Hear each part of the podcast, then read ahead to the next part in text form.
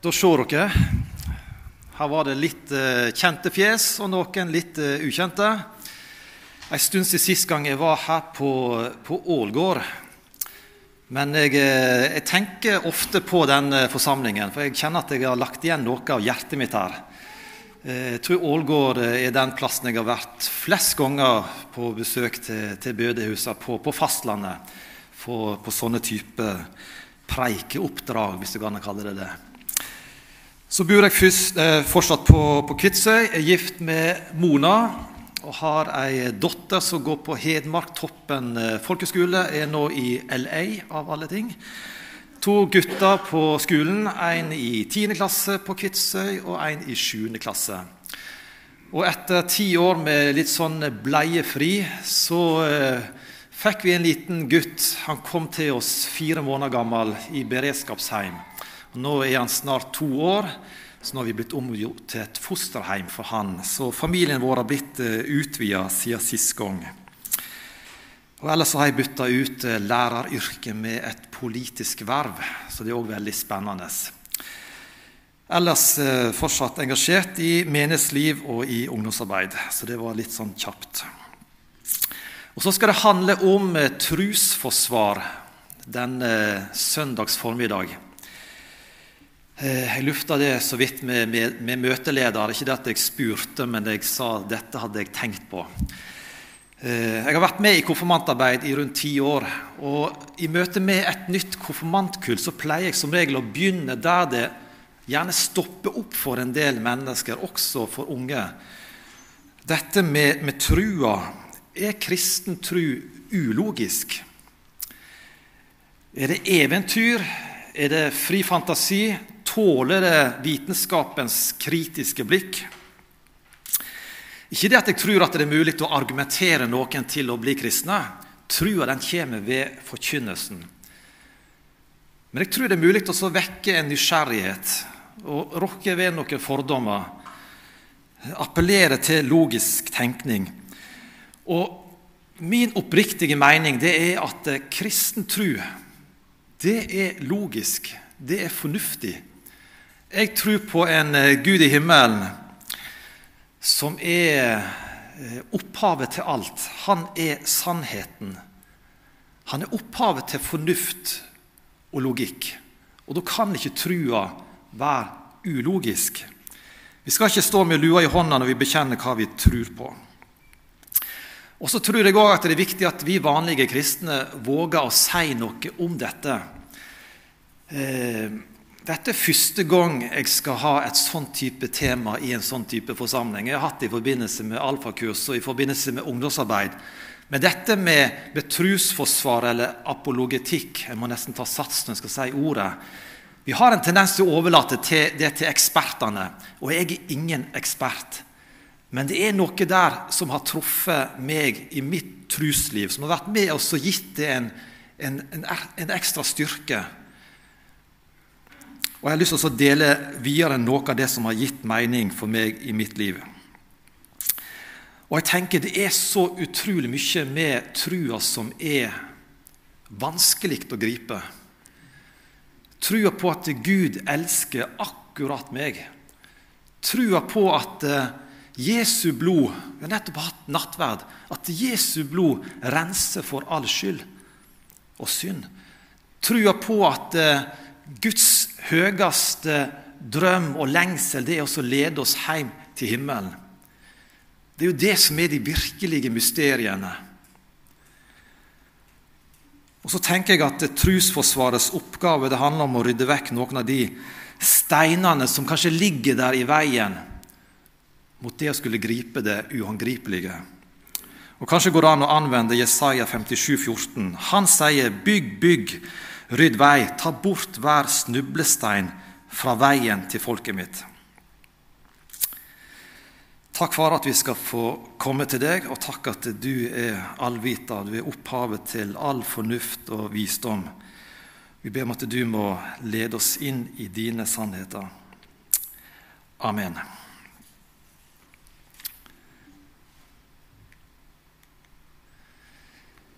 Det er mange måter en kan på en måte sånn kategorisere argumenter for at kristen tro er sann. Lista kunne vært mye lengre, og helst skulle den vært mye kortere. Men jeg tenker de tre første det handler litt om eh, det skapelsesmessige. Eh, det som går på moral, er litt sånn filosofisk. Eh, hvis ikke Gud finnes, finnes det da egentlig en objektiv definert moral? Og så har du det som går på arkeologiske funn og Jesu oppstandelse. Det å grave tilbake til det som var begynnelsen. Er Bibelen troverdig fra Mosebøkene til trua på Jesu oppstandelse? Hva er på en måte argumentene? Så hvis dere er klar for en liten reise nå, så eh, setter vi i gang. Og Så er det kanskje noe av dette som gir mening, og så er det noe som kanskje ikke treffer. Og så er det mulig å fordype seg i mye av dette her på egen hånd. Men vi begynner med første årsak. Eh, teorien om Big Bang for 13,7 eller 8 milliarder år siden, det er lenge siden. Den er ganske enerådende som forklaring på universets eh, tilblivelse. Men det at universet sånn sett har en begynnelse, at materie ikke alltid har eksistert, det var en tanke som først fikk aksept eh, på 1960-tallet. Eh, og det møtte en del motstand, ikke blant kristne, men blant ateister. Før teorien om Big Bang så kunne du på en måte slå deg til ro med at eh, universet det har alltid vært der. Det var ikke behov for en sånn førsteårsak, noe som skulle ha rulla dette her i gang. Men nå kunne man ikke lenger slå seg til ro. Hvordan har dette oppstått? Vitenskapen sto plutselig overfor et ubehagelig spørsmål. Hva fantes før Big Bang, eller skapelsen, om du vil? Og Vitenskapen strever fortsatt med det spørsmålet og egentlig har de forsøkt å avvise det som et, et irrelevant spørsmål. Men det tar ikke vekk vissheten om at noe må ha vært der. Noe må ha vært der før universet ble til. Ingenting oppstår av ingenting. Og hva da med det som fantes før Big Bang? Eh, og Da måtte det funnes noe før det igjen. Og så kan du gå tilbake i rekka helt til du er nødt til å erkjenne at eh, noe må ha vært evig. I dag så eh, opplever også kristne at Big Bang er en trussel mot kristen tro, mot skapelsesberetningen i Bibelen. Men det burde egentlig være litt motsatt. Tanken om at universet har en begynnelse, det sannsynliggjør at noe har satt dette i gang. Det må finnes en første årsak. Det må finnes noe som er evig. Og Bibelen denne årsak, kaller denne første årsaken for Gud, og forteller at i begynnelsen så skapte Gud himmelen og jorden. Og Så kan gjerne kristne diskutere hvordan skjedde dette. Når skjedde det, og på hva måte? Hvor gammel er jorda, f.eks.? Kjempespennende spørsmål. Men poenget er det viktigste. Det skjedde. Og vitenskapen klarer ikke å svare på det spørsmålet som Bibelen klarer å svare på i forhold til hvordan universet egentlig ble, ble til. Gud er den første årsak. Så må jeg huske å trykke. Så hvis jeg begynner å prate videre, så får dere heller bare gi meg et lite tegn. Kosmos det er det motsatte av det som av og til preger rommet til min eldste sønn kaos. Og verden virker å være fin innstilt for liv. Eh, de som kan dette, de, de regner opp til 300 sånne fininnstillinger i universet som er på et akkurat nøyaktig nivå for at det skulle kunne være forenlig med liv. Hadde en av disse her 300 tinga vært litt annerledes, så hadde ikke liv oppstått. Og Det meste av dette her går langt over min uh, fatteevne, men noe av det er det mulig å gripe. F.eks. avstanden mellom jorda og sola. Vi skjønner det at Hadde det vært litt kortere avstand, så hadde vi på en måte kanskje svetta litt. Og hvis det hadde vært lengre avstand, så hadde kulden tatt oss. Uforenlig med liv. Avstanden mellom jorda og månen Gravitasjon, jordas hastighet, jorda sin rotasjon, rotasjonens hastighet, rotasjonens vinkel, og sånn fortsetter da lista. 300 punkter på ei liste. Og Vi snakker både om naturlover, naturkonstanter og sånne betingelser som var til stede helt i begynnelsen, da universet ble utvida. For det var det som skjedde i begynnelsen. Og Da er det noen kloke hoder som har funnet ut at hvis denne utvidelsen som oppsto helt i starten av det som jeg da kaller skapelsen Universet utvida seg, og den utvidelsen hadde en hastighet. Og Nå vet jeg ikke om det finnes noen matematikklærere her. Men hadde den hastigheten helt i starten vært mer enn 100 000 milliontedel milliontedels raskere Det er ganske små nyanser. Da hadde ikke liv oppstått. Hvordan kan dette forklares? Noen mener at eh, disse fine innstillingene At det nærmest er snakk om en slags fysisk nødvendighet. At det finnes en slags overordna naturlov som bare har bestemt at universet det må være på en slik måte at liv kan eksistere. Og Det er ikke programmert fra en skaper, selvsagt, men fra en slags overordna naturlov. Andre peker på at alt ble til ved en tilfeldighet. At det var et eneste stort lykketreff. At alt bare ble perfekt. Så kan du ta denne ene, da. Universets utvidelse. 100 000 milliontedel milliontedels raskere. Så kan du ta de 299 andre fininnstillingene Bibelen forteller at det er en designer som står bak dette her. Jeg tviler på at eh, salmisten hadde oversikt over alt det som eh, naturvitenskapen har oversikt over i dag, men han forteller, 'Herre, hvor mange dine gjerninger er.' Alle har du gjort med visdom. Jorda er full av det du har skapt. Gud er en fantastisk designer.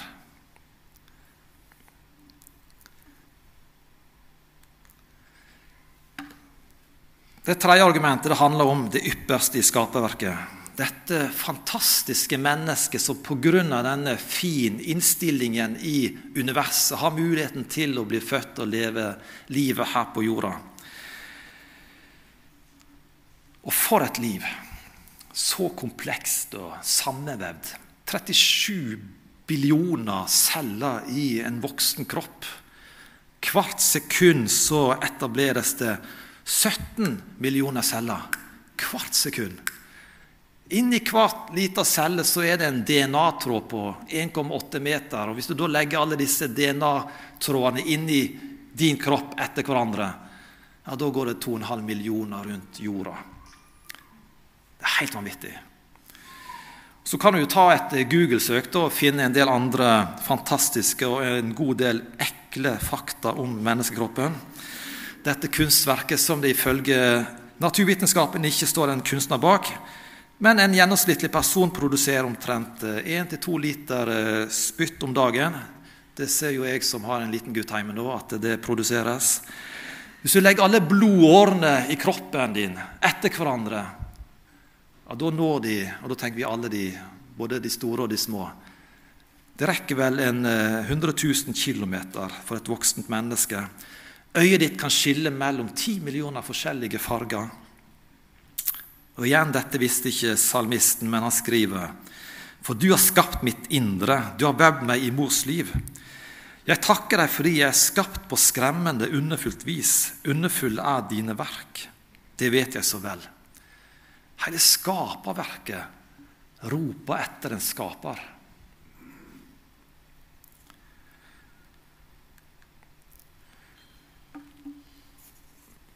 Det fjerde argumentet det appellerer kanskje mest til filosofen. Hvor kommer denne moralen ifra?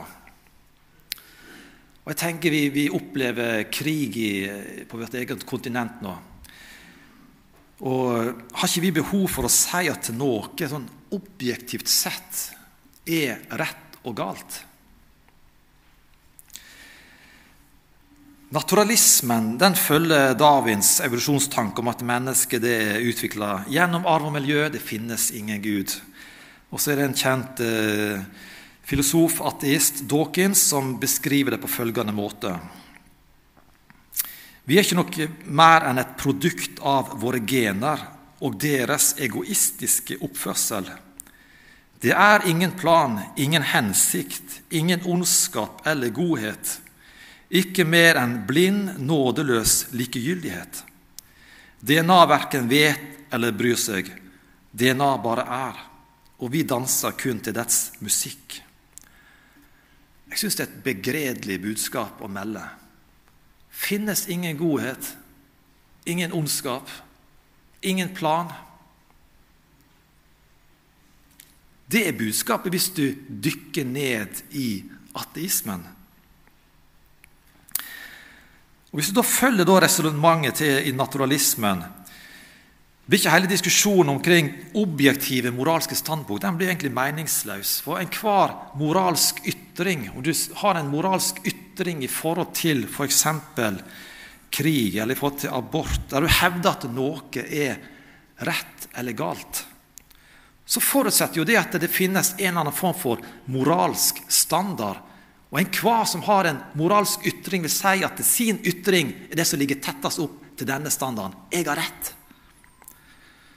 Men hvem har egentlig rett? I en diskusjon, hvem kan kunne si at ja, jeg sitter på fasiten her? Dersom jeg setter standarden, det er det objektivt sett rette. Hvis vi går til det som nazistene forsøkte på under annen verdenskrig, og de lyktes langt på vei. Og så sier du at det de gjorde, det var galt.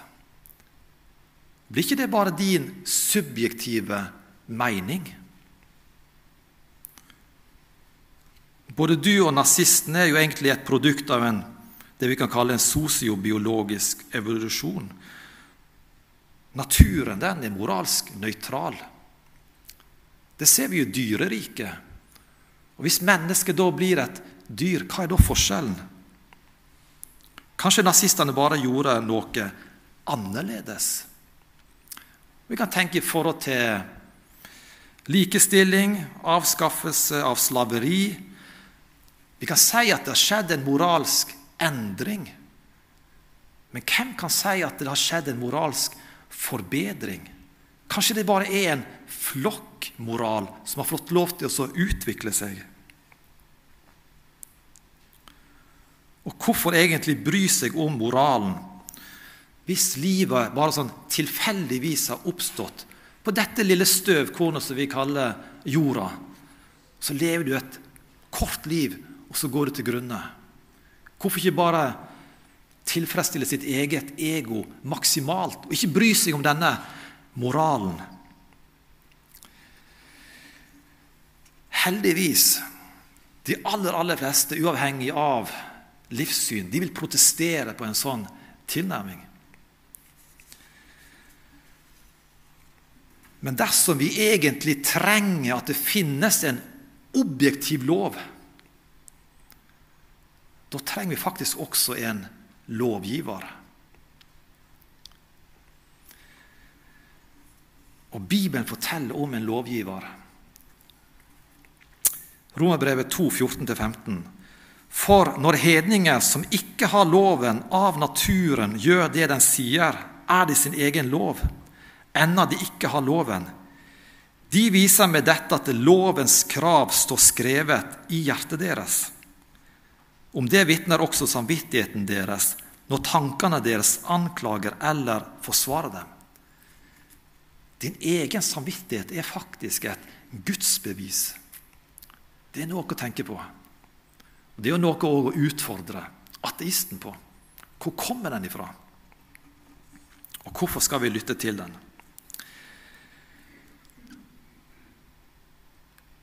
Går det greit så langt, eller?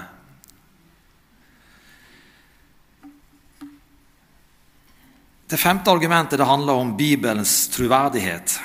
Og Nå florerer det med historier og artikler. Det har dere sikkert sett på, eh, på Facebook og rundt omkring. Sånne sensasjonelle funn. En har funnet det ene og det andre forskjellige plasser.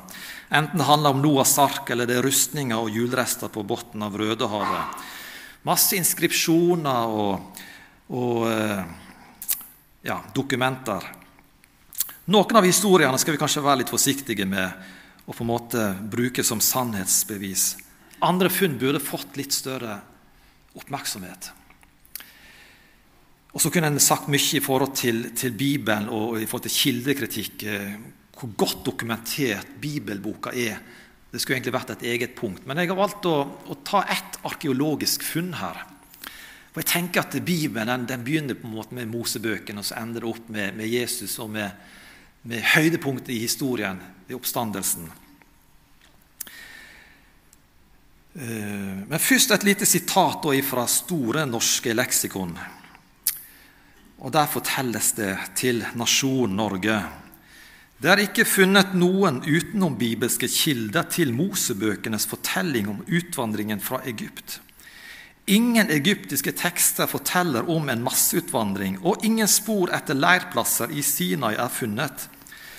Dette utelukker likevel ikke at noen av de senere israelittene kan ha utvandret fra Egypt, kanskje under ledes av en skikkelse som Moses. Men det er i dag bred enighet om at Mosebøkenes beskrivelser er senere konstruerte fortellinger og en blanding av historie og litteratur. Altså, Mosebøkene består av myter og eventyr. Og Det er ganske vanlig å si at Israels historie begynner med David. Og Dermed setter du òg en strek over mye av det som Bibelen da bygger på. Med Abraham og Isak og Jakob og de tolv sønnene, så havna de i Egypt. Og så skjedde det at det utvikla seg, og det vokste et folk som var Guds folk. Og så utvandra de fra Egypt til det lovede land. Det er ganske fundamentalt i trua vår. Og så blir det bare satt en strek over det fordi en mangler historiske bevis. Og da er det jo interessant når arkeologene graver fram og finner det som arkeologen Adam Sertal fant. Han var den gang ateist. Og det er jo slik at eh, når du er ateist og historiker og arkeolog De fleste funn de blir på en måte tolka i lys av eget livssyn, og det står fast. Men denne ateisten måtte bøye seg for funnene. Mellom 1996 og 2008 så hadde han undersøkt områder i Samaria, nærmere bestemt ved Jordandalen. På leiting etter sånne potensielle israelittiske leirplasser, som også ble kalt for Gilgal i Bibelen. Og Han fant flere sånne leirplasser fra 1200-1300-tallet før Kristus. Og Hvis du ser tidslinja i Bibelen, stemmer veldig godt med utvandringen fra Egypt. tilfeldigvis. Uh, og Disse leirplassene var utforma til å ligne sålen på en høyre fot. Dere klarer å se fotsålen der? Stemmer? Så står det da interessant nok i Josfa 1,3.: Hvert sted dere setter foten på, gir jeg dere, slik jeg sa til Moses. Kan det ha vært litt mer sånn bokstavelig tenkt? En av leirplassene lå øst for Jeriko. Det er den som det er bilde av på dette til høyre her. Og Josfa han skriver det var den tiende dagen i den første måneden at folket steg opp av Jordan. Nå var de ferdige med ørkenvandringen, nå var de på vei inn i det lovede land. Og så står det de slo leir i Gilgal ved Jerikos østgrense. Og så har denne hælen den har vist seg å, å, passe perfekt til dimensjonen, til tabernakelet. Dette bærbare tempelet som eh, israelittene bar med seg før de da etablerte det permanente tabernakelet i Kilo. Og Så begynner da arkeologene å undersøke og prøve å finne koblinger her. Og Hvor ender de da? Jo, de ender i Egypt. Den egyptiske kulturen den er rik på fotavtrykksymboler. Ramses 2 han hadde valgspråket 'Der Egypten setter sin fot, det landet er vår eiendom'. Og når de åpna grava til farao Tutankhamon, så ble faraos sandaler funnet med avbildninger av fanger fra forskjellige folkeslag. Og Når du da finner denne leirplassen øst for Jeriko, med mål som passer perfekt i forhold til de målene som er skissert opp i Bibelen på et tabernakel, og tidfester det til 1200-1300-tallet før Kristus, med tydelige koblinger mot funn i Egypt, der israelittene hadde vært i 400 år. Blir ikke Josvas bok da bekrefta? Blir ikke israelshistoriens Altså folket Israels, eh, Israelsfolket sin historie bekrefta? Så får det kanskje ikke konsekvenser for hvordan Store norske leksikon beskriver utvandringen fra Egypt. Men kanskje det kan bety noe for deg og meg. For det er vi som møter dette. Det er våre barn som møter dette på, på skolen. Det å kunne vise til ett eksempel på en arkeologisk utgravning. For meg så er det med å styrke trua på Bibelen som en historiebok. Det at alt det andre der, det passer. Og Da er det lettere å gripe historien om Jesus. Det sjette argumentet det handler om det viktigste i verdenshistorien Jesu oppstandelse. Dersom Jesus sto opp ifra de døde, da var han Guds sønn. Da er han Guds sønn. Dersom han ikke sto opp ifra de døde, da var han bare en historisk person med en litt uh, ulykkelig skjebne, og med et ettermæle som har forvilla og villeda millioner og milliarder av mennesker inn i ei falsk tru. Hvis Jesus ikke har stått opp, så er det meningsløst å samles her. Derfor er dette viktig. Og vi sang 'Grava, den er tom'. Og Det er faktisk historikerne enige i. Det er noe som de er enige i. Og Det er jo bekrefta i flere uavhengige kilder i Bibelen. Matteus, Markus, Lukas Johannes skriver alle om at grava er tom. Og Det er jo interessant at de i den forbindelse bruker kvinner som øyenvitner i en tid der kvinners vitneutsagn var null niks verdt. Var det en fabrikkert historie? De burde peke på noen menn for å gjøre det mer troverdig den gang. Og I tillegg så står det også at det gikk ut et ord om at uh, disiplene hadde stjålet kroppen til Jesus. Altså grava må ha vært tom. Det var ikke bare disiplene som hevda det. Det hevda også de jødiske lederne. Det andre fakta som uh, historikere er enige i, det er at uh, mennesker påsto at de så Jesus etter at han da tilsynelatende var død, og så han levende. Paulus lista opp en rekke vitner, viser til 500 mennesker på en gang. Så eh, Det holdes som historisk sannsynlig at eh, disiplene og flere andre de hadde en sånn subjektiv opplevelse av at Jesus han hadde stått opp ifra det døde.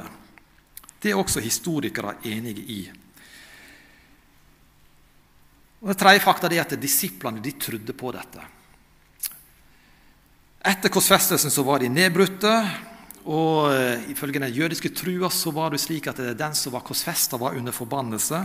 Likevel så utsetter de seg for fare, forfølgelse, og begynner å fortelle om at Jesus han har stått opp. Til og med forfølgeren Paulus blir med på dette, og den yngre broren til Jesus, altså Jakob.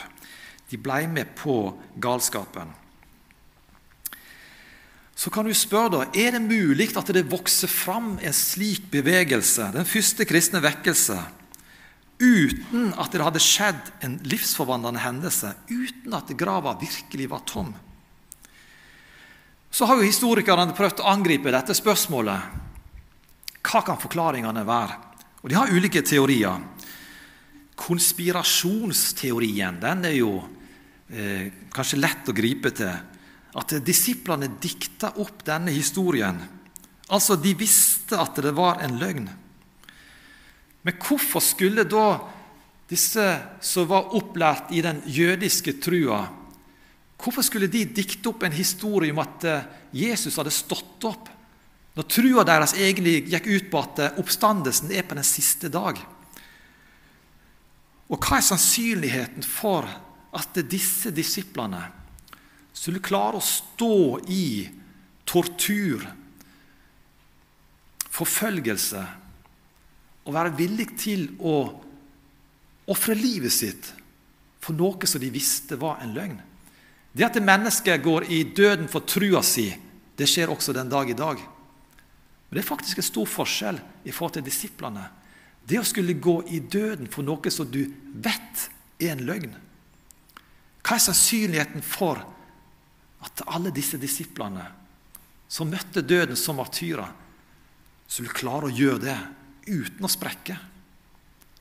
Alle som en. Så har du besvimelsesteorien. At Jesus besvimte på korset og kom til live i grava og klarte å rømme igjen. Romerske bødler de var proffe. Dette var yrket deres.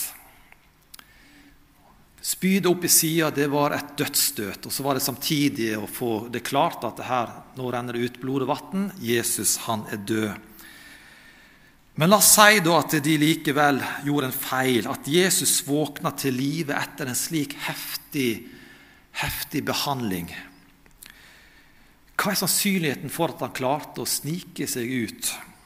Å bli så frisk og rask etter en sånn heftig behandling at han 35 timer etter at han ble tatt ned og lagt i grava, skulle ha klart å framstå på en sånn måte at disiplene tenkte Oi, han overlevde ikke bare. Men nei, han har stått opp.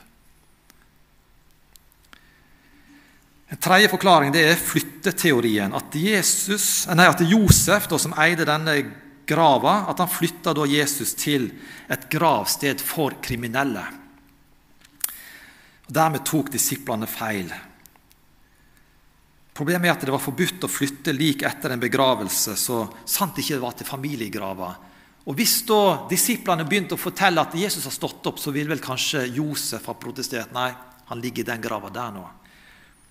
Og I tillegg så ville dette også vært et problem, fordi disiplene må jo ha dikta opp uansett at Jesus hadde stått opp, hvis det var sånn at han hadde blitt lagt i ei anna grav, og vært villig til å gå i døden for en løgn.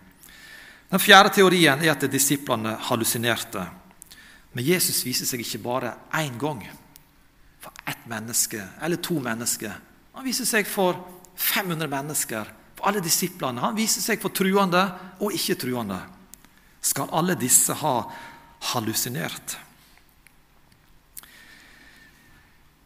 Det gir faktisk mening at Jesus sto opp ifra grava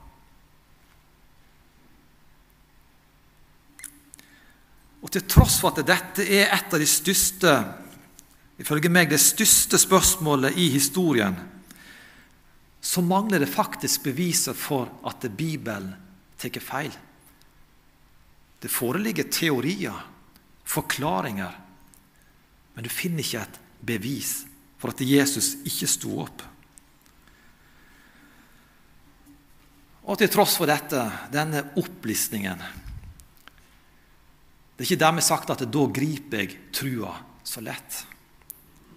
Vi vandrer i tru uten å se. Andre kor 5-7. Og det er vel det er vel historien for de fleste av oss. Vi mangler den der skrifta på veggen. Vi mangler det at krukka den ble ikke tom. Skulle gjerne hatt litt av de der erfaringene til Snåsamannen, som for øvrig da sier at det er det er Gud som skal ha æren for alt det han har opplevd. Men jeg er sikker på at hvis vi hadde tatt en, en runde her i flokken, så er det mange som kan sette ord på spor etter mesteren i sitt eget liv. Opplevelser som har vært med å, å styrke trua. Så jeg tenker vi har, vi har Bibelen, og så vet vi at uh, trua det er ei gave. Og så har vi logikken, som kan med oss så på en måte ligge der som en trygghet. Og så har vi de personlige erfaringene. De må vi dele med hverandre.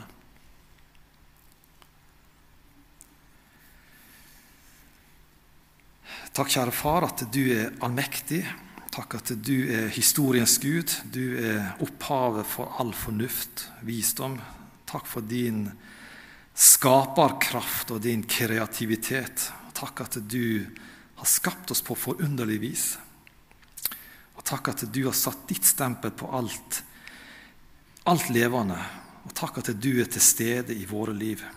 Hjelp oss til å lytte til deg og og legge merke til de sporene som du setter i våre liv. Takk at uh, antallet gudfeldigheter overstiger antallet tilfeldigheter. Hjelp oss til å se det, hjelp oss til å tro det, og hjelp oss til å gi det videre.